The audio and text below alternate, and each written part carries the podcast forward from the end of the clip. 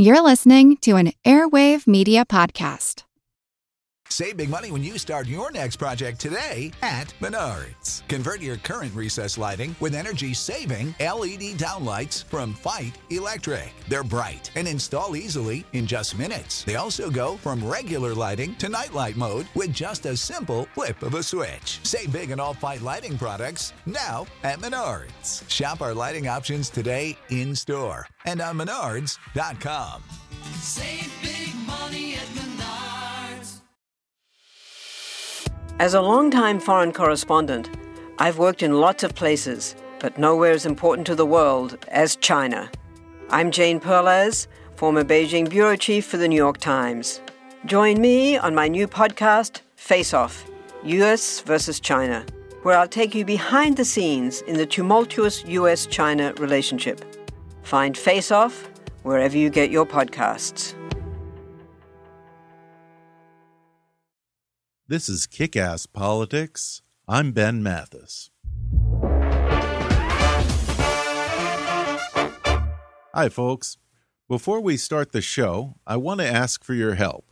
If you enjoy Kick Ass Politics, I hope you'll help us reach our goal of raising our full production budget for 2016 by donating on our website at kickasspolitics.com or at gofundme.com backslash kickasspolitics. I'd also like to thank a few recent donors Jeremy Walker, Ken Mullen, John B., David Berdis, Jerome Hunt, and Mike Collins for supporting the show.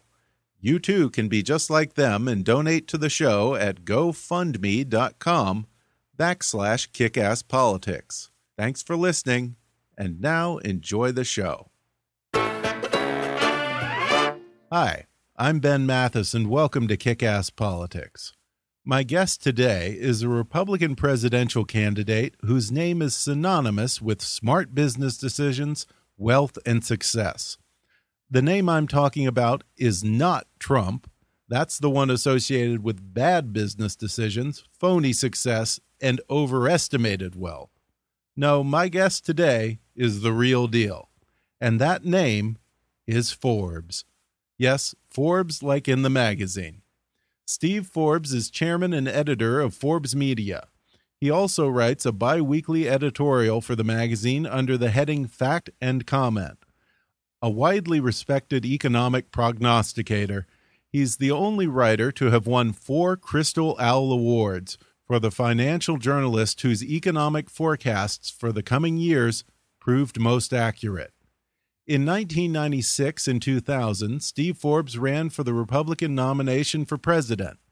He campaigned on the platform of a flat tax, medical savings accounts, a new Social Security system, school choice, term limits, and a strong national defense. He's authored or co authored four books, including his most recent one titled Reviving America How Repealing Obamacare, Replacing the Tax Code, and reforming the Fed will restore hope and prosperity.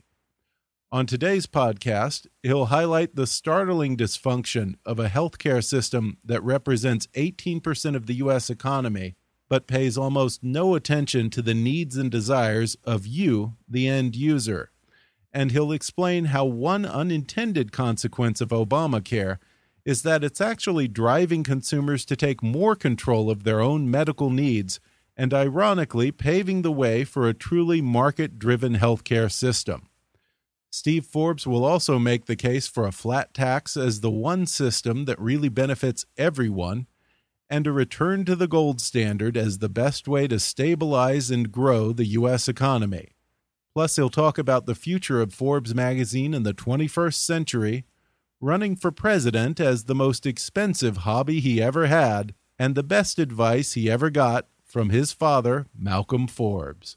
With my guest today, Steve Forbes, editor in chief of Forbes magazine, coming up in just a moment.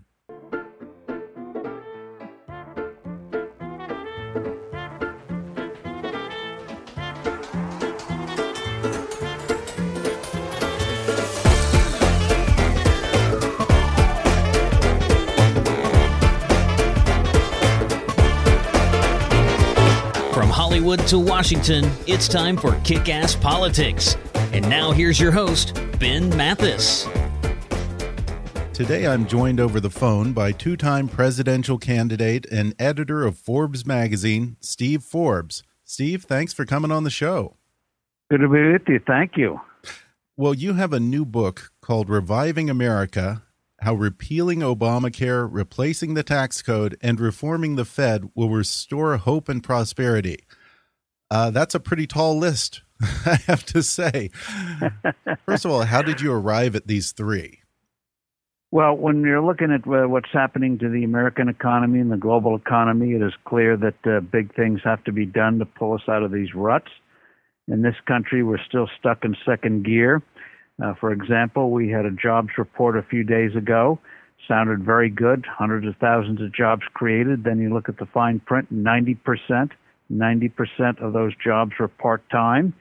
Uh, wages, uh, hourly wages went down a little bit. Work week uh, went down a little bit.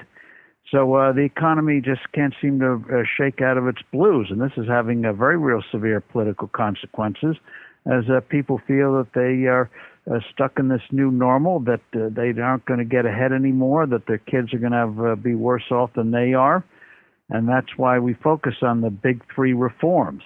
Uh, obviously, a lot of things have to be done, but do those big three, and by golly, you'll see this economy roar ahead faster than most people now think possible. Yeah, and let's talk about those three. Let's start with the first one healthcare. Uh, you say that the current so called healthcare crisis goes much deeper and farther back than Obamacare. What are the roots of our healthcare ills, so to speak? Well, we, we obviously start with health care because it uh, makes up almost uh, 20% of the American economy. It's the most personal thing possible. It affects all of us. Yeah. And uh, so that's why we put that uh, number one. And uh, the roots, you know, we got Obamacare because of the shortcomings of the previous system. And we feel that the real, real problem with health care is what's uh, the, what they call third part, the third party payer system that we have third party payers, big government, big insurance companies or insurance companies and employers, they are the real customers of, of, the system, not the patient. So you don't have real free markets in the system, yeah. which is why prices keep going up. We have uh, shortages. People's experiences uh, with hospitals, you wonder if the specialists talk to one another, whether the so called hospitalists talk to one another you tell the hospital your aunt doesn't can't uh, take a certain kind of medication, yet they give it to her anyway. Uh, mistakes proliferate, and uh, the real the, the real proof of it, the real proof of where the patient lies in that pecking order, is as we point out in the book Reviving America, the crummiest motel in America wouldn't dare put you in a room with somebody else with a curtain in between. yeah. Or, or or give you a robe, give you a robe that looks like it came out of the Salvation Army dumpster. I mean those things you wear. I mean, where did they come up with that design? yeah, and you also talk about the infection rates at hospitals. You know how ordinarily well, no one of, would put up one with of the that. Key, that's one of the key reforms we propose to get the patient in charge again. Is hospitals should be required each month to post how many patients died of infections received after they were admitted to the hospital. Now, obviously, sometimes there's certain uh, illnesses, cancers, where you're very susceptible to infections, but there are literally thousands of patients who die each year unnecessarily, which is why you're told uh, by your friends and relatives get the patient out of the, the hospital as quickly as possible before they get something else. And it's an outrage. You know, as we say in the book, no restaurant chain could get away with that. You get food poisoning, as Chipotle can testify. yeah. And it's a national scandal, uh, constant stories, and it goes on in hospitals, the equivalent of it each and every day. Yeah. And you would think that convincing people to take charge of their own health care would not be a very hard sell, but we've kind of been lulled into this idea of having some third party handle all of our health care. And it's interesting because something I didn't realize that you point out in here is employer paid health care goes is kind of a relic of World War II. That's not something that we've always had. Uh, no, it is not. It uh, came out of World War II because they had wage controls as well as price controls because they're devoting all the resources to winning the war, uh, bulk of our resources. And so uh, employers were suffering labor shortages. So you weren't allowed to pay people more in cash. So they decided to try to get around the controls by paying in kind with benefits, sort of like the old barter system. And the government said that was okay. And that's how uh, we really got the impetus uh, for employer provided health care. And then after the war, a few years after the war, the IRS made a ruling that said it was a tax deduction for the company and it wouldn't be charged as income to the employer. And so the system took off and it's just gotten deeper and deeper. Yeah, and it's very easy to say repeal Obamacare. Every politician says that. You actually come up with a plan to replace it, which is one step further. But, you know, undoubtedly, repealing Obamacare is a pretty tall order. So if we can't actually completely do away entirely with Obamacare, what are some of the provisions of Obamacare that you think should be tossed out at the very least? Well, one of the what what, what if you if if we feel we're going to hurt the president's feelings by repealing Obamacare, uh, his self-esteem would be hurt. You could preserve the facade as they do in some of these buildings and just rip the rest of the building out yeah. and uh, preserve the facade. But uh, what you'd get rid of, you get rid of the employer mandate, the individual mandate, mandates on what has to be in insurance policies. You should be allowed to pick your own policy. And reforms like that, you could set the stage for more patient control. And one of the things, points we emphasize in this book is that you can have a much more effective safety net system when you have when you have put put uh, the, the the employer and the the patient in charge instead of uh, third parties, uh, because not only would you get more health care, more entrepreneurship, but you could uh, put in a system, whether it's something like uh, as states used to have, but it never really worked because they never really put a lot of money into it uh, the, the, the high risk pools for people who can't be insured, for uninsurables, whether it's because they have chronic conditions or whatever the reason. So we, we do it with food, which is more basic than uh, health care. Without food, you don't, you don't have anything. And uh, if people have problems getting food, we have everything from food banks to food stamps to deal with it. Why in the world can't we do the same thing in health care? Yeah, and uh, you know another thing that you point out in there is that health insurance is the only insurance where we expect it to cover every little thing. Nobody nobody well, expects, you know, the car insurance to cover a flat tire. You know, it's supposed to be for catastrophic situations. The whole exactly, concept of insurance. Exactly. And uh, and so uh, yeah, along those lines, you don't expect your homeowner's insurance to pay for your mow lawn to be mowed or to trim your trees or fill up your oil tank or pay for your uh, heating gas or oil or whatever.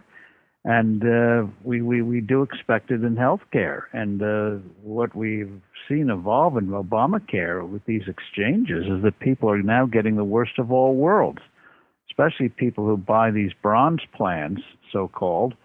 You get, uh, you get uh, it seems like a cheap price because they subsidize the premium, but the deductibles are sky high and your choice of specialists and doctors is very, very narrow, very small.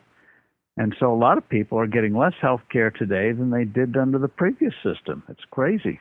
Yeah, and is the biggest point of this, if you had to pick one, would it be to allow consumers to shop for insurance across state lines or what? Uh, that would be a huge, uh, good first step, uh, allowing people to uh, buy insurance across state lines, have a national market, thereby having hundreds of companies compete for your business. Uh, it's crazy that I can buy, an, I live in New Jersey, I can buy an automobile, I can buy uh, an iPad in Pennsylvania, but I can't buy the insurance in Pennsylvania. Yeah. And, uh, and in addition to the transparency we talked about on infections, another thing that should happen at the very least is that hospitals and clinics publicly post prices for all their treatments and services. So if a hospital charges 2000 for an MRI and another one charges 300, you can see it and uh, be, a, be, be a sharp consumer. The, the, the system that we have now, both before and with Obamacare, wants to make the patient as passive as possible.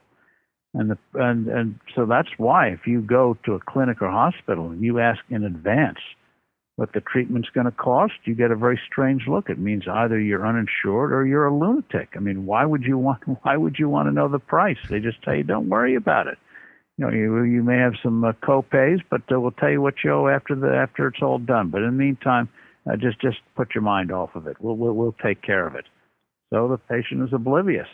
Yeah, and ironically, one of the unintended consequences of Obamacare is that Barack Obama kind of did your job for you here and inadvertently is paving the way for more consumer-driven healthcare reform.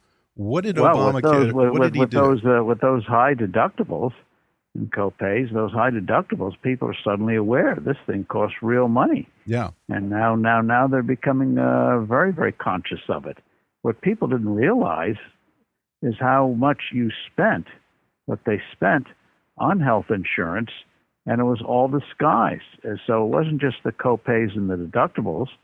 If you add in the taxes you pay on Medicare for uh, on the federal level, Medicaid on the state level, Medicaid on the federal level, you factor in the salary that you uh, lost over a lifetime because employers have to find the money to pay for the insurance instead of giving it to you in cash. You make your own decisions. Over a lifetime, it's been estimated that the typical American who doesn't know this at all is spending $1.9 million on health care Wow. Unbelievable. over a lifetime. Well, the second point that you propose is reforming the tax code and replacing the current tax code with a flat tax. For those who may not know, what exactly is a flat tax and what's the upside to it? Uh, flat tax is simply a single rate system uh, where you have one rate with generous exemptions for adults and for children. And this current code, the reason why we propose it, I've been proposing it for years.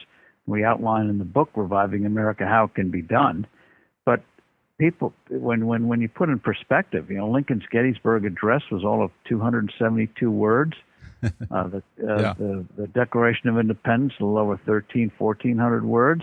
The Constitution and the amendments, seven, a little over 7,000 words. The Bible, which you know took centuries to put together, 773,000 words. And then you take the current tax code, not the code itself, but all the attendant rules and regulations that are a necessary part of it. It comes to more than 10 million words. And it's beyond comp- nobody knows what's in it. The IRS doesn't know. You call their hotline if they deign to answer it. Uh, fourth or third time they give you the wrong answer, but still hold you responsible for it. So, uh, and one one proof of how uh, how the system is beyond repair.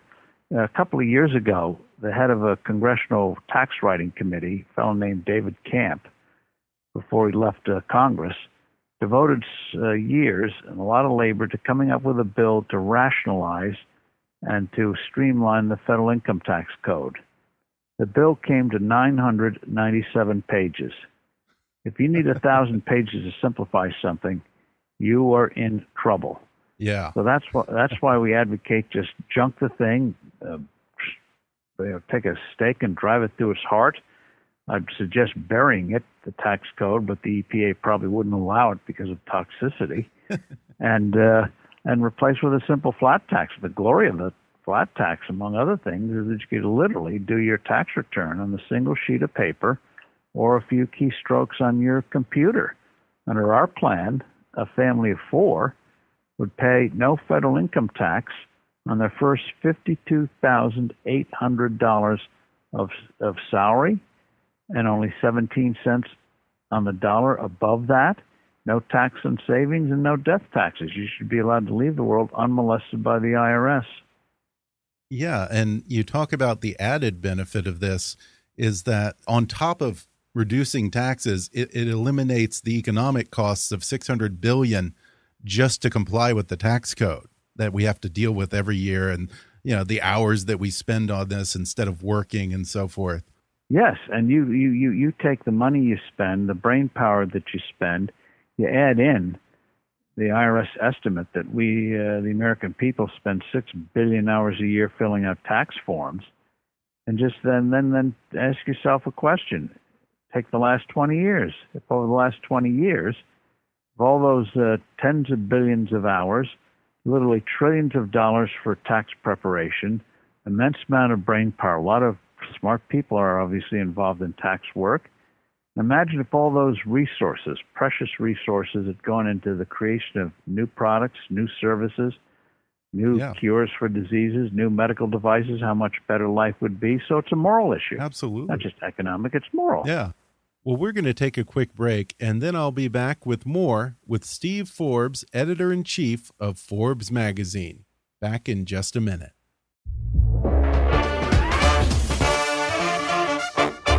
If you're enjoying my conversation with Steve Forbes, then you should read his new book, Reviving America How Repealing Obamacare, Replacing the Tax Code, and Reforming the Fed Will Restore Hope and Prosperity. And right now, you can download the audio version of his book for free with a special promotion for our listeners from audible.com. Just go to audibletrial.com backslash kickasspolitics for a free 30-day trial and a free audiobook download, which can be Reviving America by my guest today, Steve Forbes, or any of Audible's 180,000 titles for your iPhone, Android, Kindle, iPad, or MP3 player. That's audibletrial.com backslash kickasspolitics. Or click on the sponsor link on our webpage to download the free audiobook of your choice. And now, back to the show. We're back, and I'm talking with editor in chief of Forbes magazine, Steve Forbes. So, Steve, what you propose is across the board 17% tax across all income brackets, personal and corporate. You realize that a lot of Americans are going to be innately skeptical of anything that simple, right?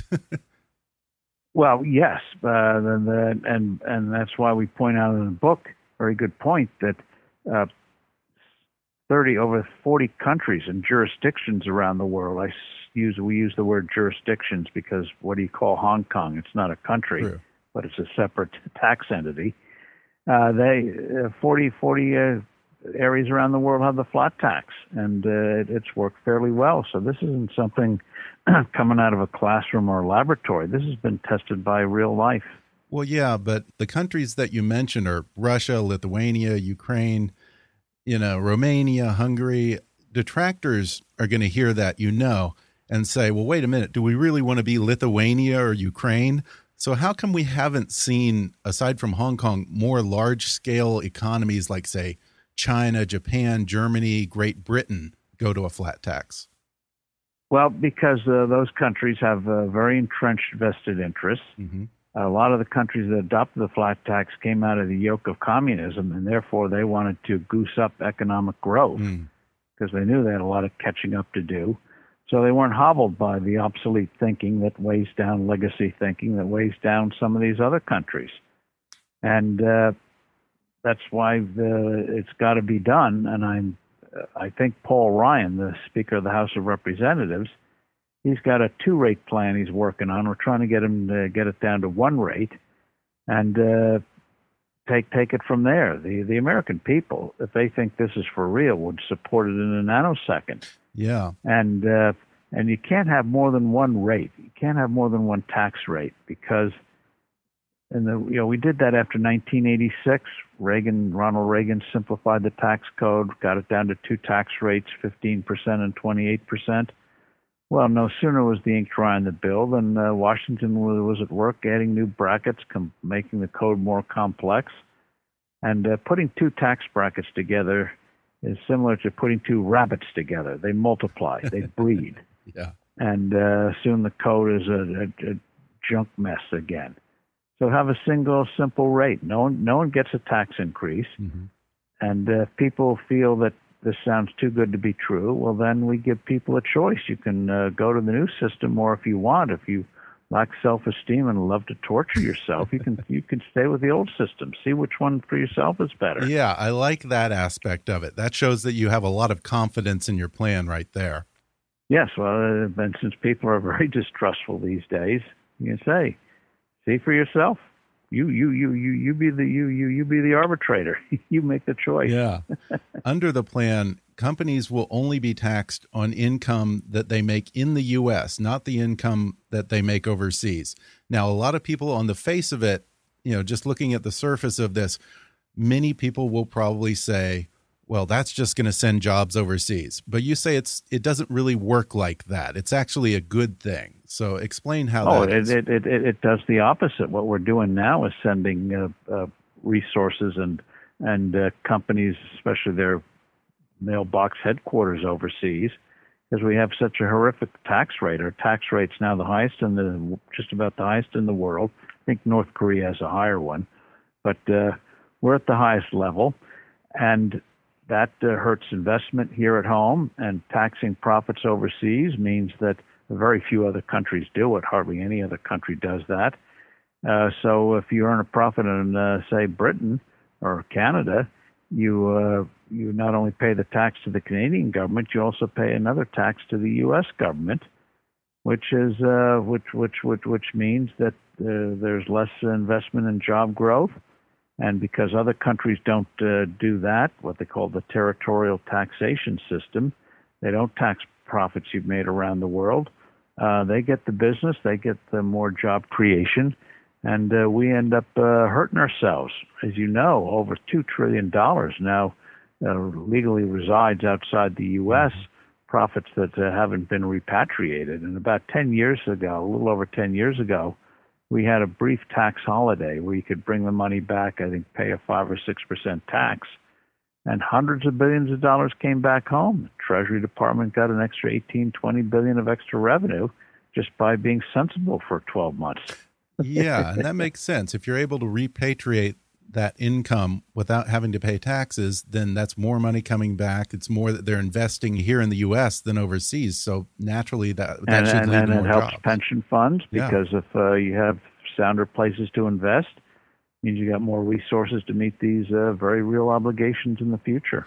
Well, what do you think of Ted Cruz's version of the flat tax? Is that the best of the current candidates running? Well, of the four that are left, if I call them the final four, that's almost like a basketball tournament. The GOP had so many candidates. Of the final four, Ted Cruz has the best plan. Now he's got to tweak this business tax that he has, uh, which is sort of a disguised VAT. He, what he's what he can do there is just simply allow companies to deduct their salaries as a, in addition to the other things he allows. That would take care of that problem. And uh, but he, he he's ahead of Marco Rubio, who has the worst tax plan out there. Uh, Kasich has a semi decent one, but for a guy who'd been in Congress, I expected better and more. and of course, uh, Donald Trump. You, uh, I know what his plan is today. I'm not sure what it'll be tomorrow. Yeah. That's one of one of his challenges. Is, and people get a sense of where where where he's going to really move. Yeah.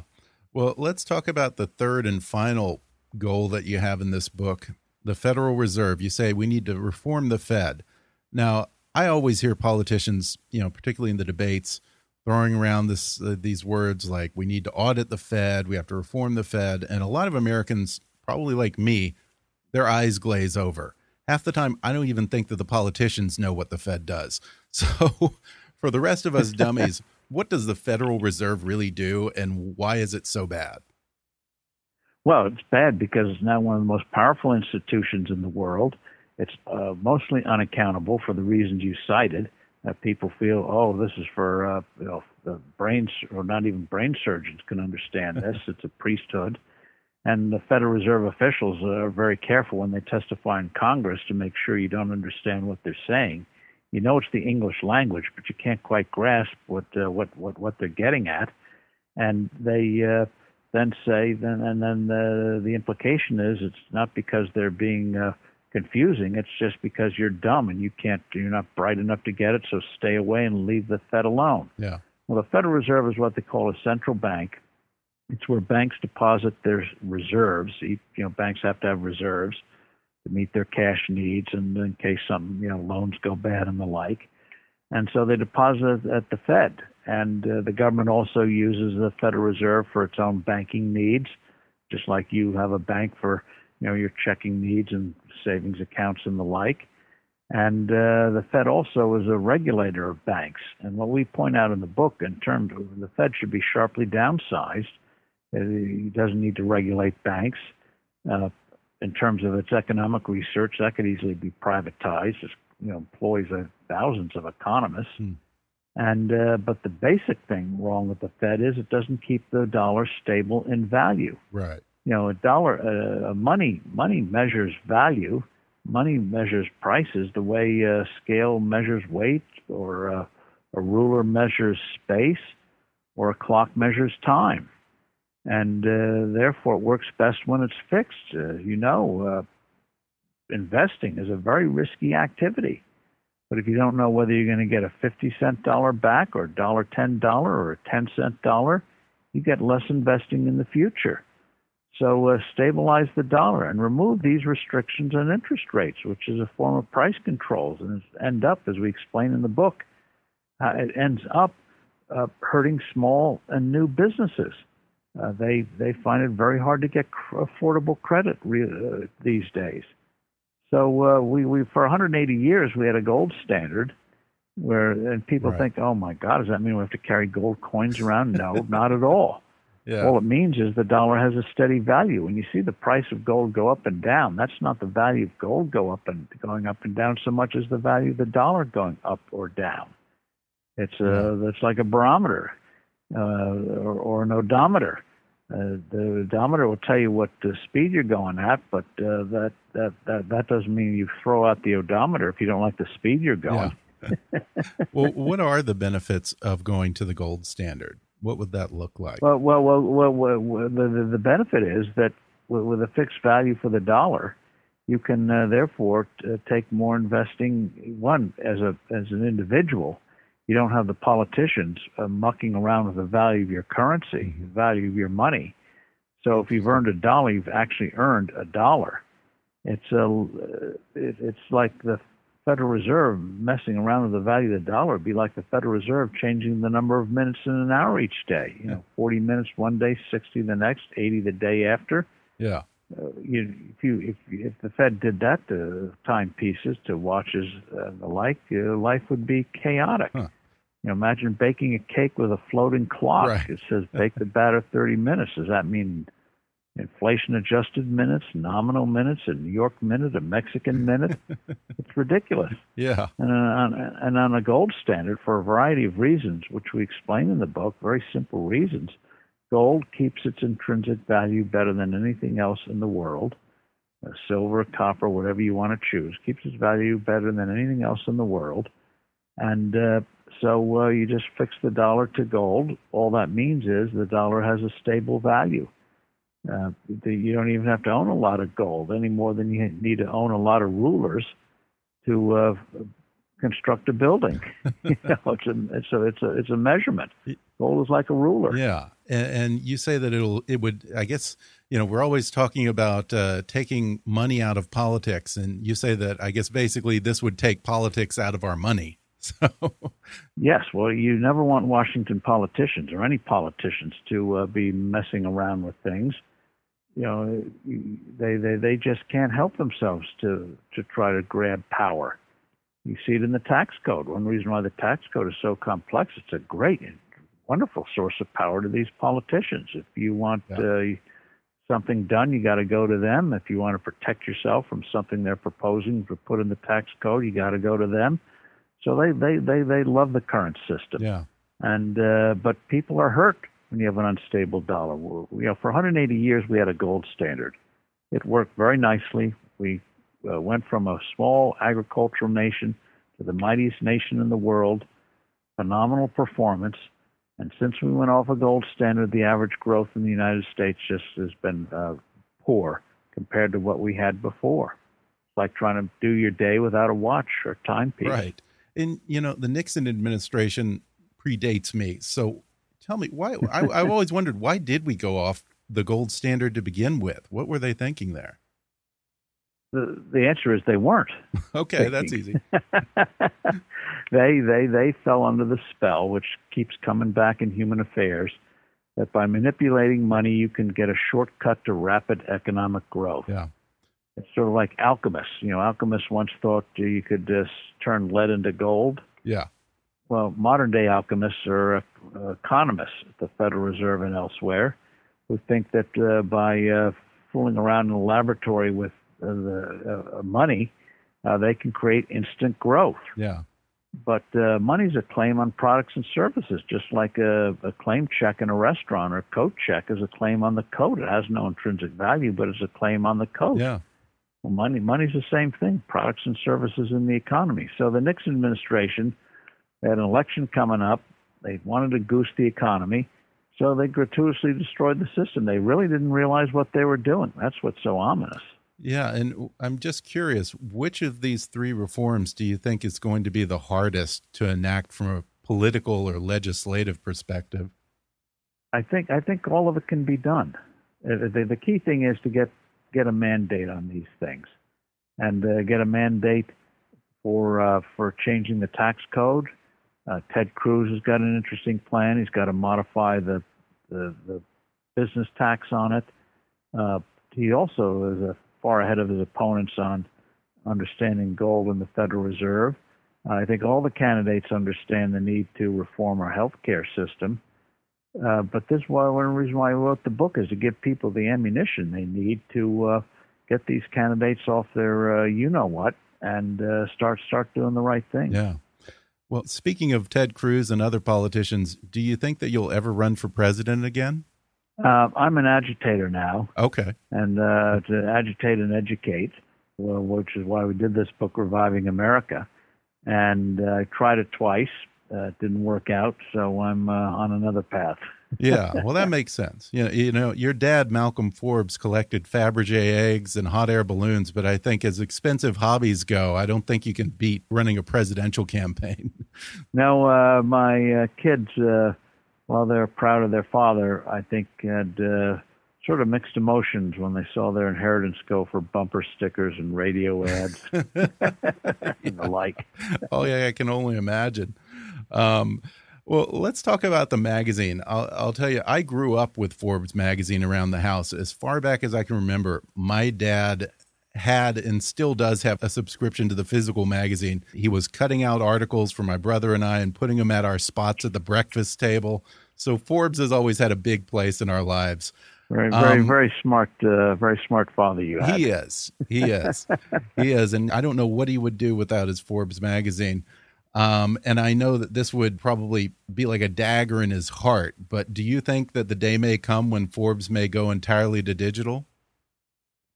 Uh, well, that's been predicted for a long time, but our, our print edition of Forbes, knock on wood, is doing uh, very nicely these days. The paid circulation is about the same as it was 10 years ago. Oh, great. Obviously, advertising is down, but we've tied it very closely with the with the internet, Forbes.com, and I think it's helped the magazine. So uh, uh, so far so good, and you see it in the book world even more. Uh, while people love being able to have electronic books, they also, a lot of people still like to have the physical book as well, and they end up buying both. So uh, you don't have to buy Forbes.com, uh, it's advertising supported, but uh, pe- people do like the flexibility of having having a physical product. So maybe the day will come, but it hasn't happened yet. Um, there's just an endless amount of, of, financial data available at our fingertips now. What do you see the role of Forbes magazine being in the 21st century? Really, what it's been since our founding. We're almost 100 years old now. We, my grandfather started it in 1917, and he said in the first issue that the purpose of uh, business is to produce happiness, not to pile up money. Hmm. and uh, so we've been a profound believer for uh, almost a century in entrepreneurial capitalism. And that's why uh, I think the magazine uh, uh still has appeal today. And one of the things, uh, the, the late great management guru Peter Drucker once said that companies should always remind themselves what is your purpose? What is your mission? What is it you are trying to do? Mm-hmm. And so the tools may change, but if you have a certain goal, which and ours is to uh, provide readers uh, and uh, online visitors with the information they need, and we can do it uh, more and more than ever before because of the flexibility of the, the, the web to uh, succeed in business. And so we write about those who succeed, those who fail, uh, because you learn from mistakes of others, you learn from an experiment that didn't go well. Uh, you look at Steve Jobs, for example, he had a lot of failure. Apple made a lot of mistakes, but they learned from those mistakes and were able to develop a fantastic product. So the way you get ahead in the world in terms of uh, ec- economics is uh, creating more knowledge, and knowledge comes from uh, constant exploration. Absolutely. Well, before we go, I remember as a kid, my dad had a book called The Sayings of Chairman Malcolm, which was all quotes by your father, Malcolm Forbes. yes. I'm curious if you have a favorite quote or a favorite piece of advice that he ever gave you. Well, I think, uh, and his favorite, I think, was a quotation from uh, Forbes magazine. It's from uh, the Bible, Proverbs. It's been in every issue since the beginning. And uh, the, the words are, with all thy getting, get understanding. Well, the book is called Reviving America How Repealing Obamacare, Replacing the Tax Code, and Reforming the Fed Will Restore Hope and Prosperity. Steve Forbes, thanks for joining me on the podcast. Ben, thank you. Really appreciate it. Absolutely. Thanks. My thanks again to Steve Forbes for coming on the show. You can follow him on Twitter at, at Steve Forbes CEO.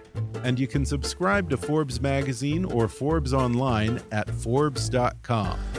If you'd like to read his new book, Reviving America How Repealing Obamacare, Replacing the Tax Code, and Reforming the Fed Will Restore Hope and Prosperity, I'll include Amazon links where you can order that and other books by Steve Forbes in the show notes for this episode and on our website at kickasspolitics.com. And if you prefer to listen to the audio version of his new book, you can download that for free through a special trial offer just for our listeners at audibletrial.com backslash kickasspolitics. Now, don't forget to subscribe to Kickass Politics and leave us a review on iTunes. That helps a bunch with our podcast ratings. And if you really want to help us out, then donate to our GoFundMe campaign at gofundme.com backslash kickasspolitics. Or you can click the donate button on our website at kickasspolitics.com. It'll help us reach our fundraising goal for this year, and your support will be very much appreciated. Follow us on Twitter at, at KAPolitics or visit Kickass Politics on Facebook. And while you're there, recommend Kick Ass Politics to your friends on your social media. And as always, I welcome your comments, questions, and suggestions at comments at kickasspolitics.com.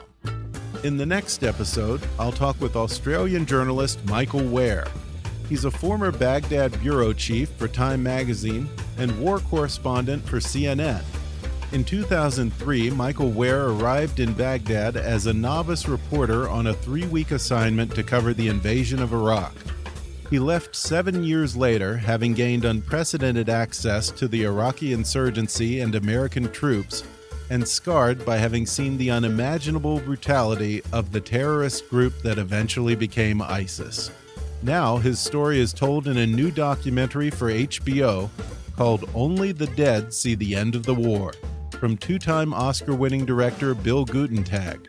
Michael Ware will talk about the shocking violence of the Iraqi insurgency, the time he was kidnapped and nearly executed by agents of Abu Musab al Zarqawi. Plus, he'll talk about the front row seat he had for the birth of Al Qaeda in Iraq and its early transformation into the modern day terrorist nation state called ISIS, coming up on Monday. But for now, I'm Ben Mathis, and thanks for listening to Kick Ass Politics.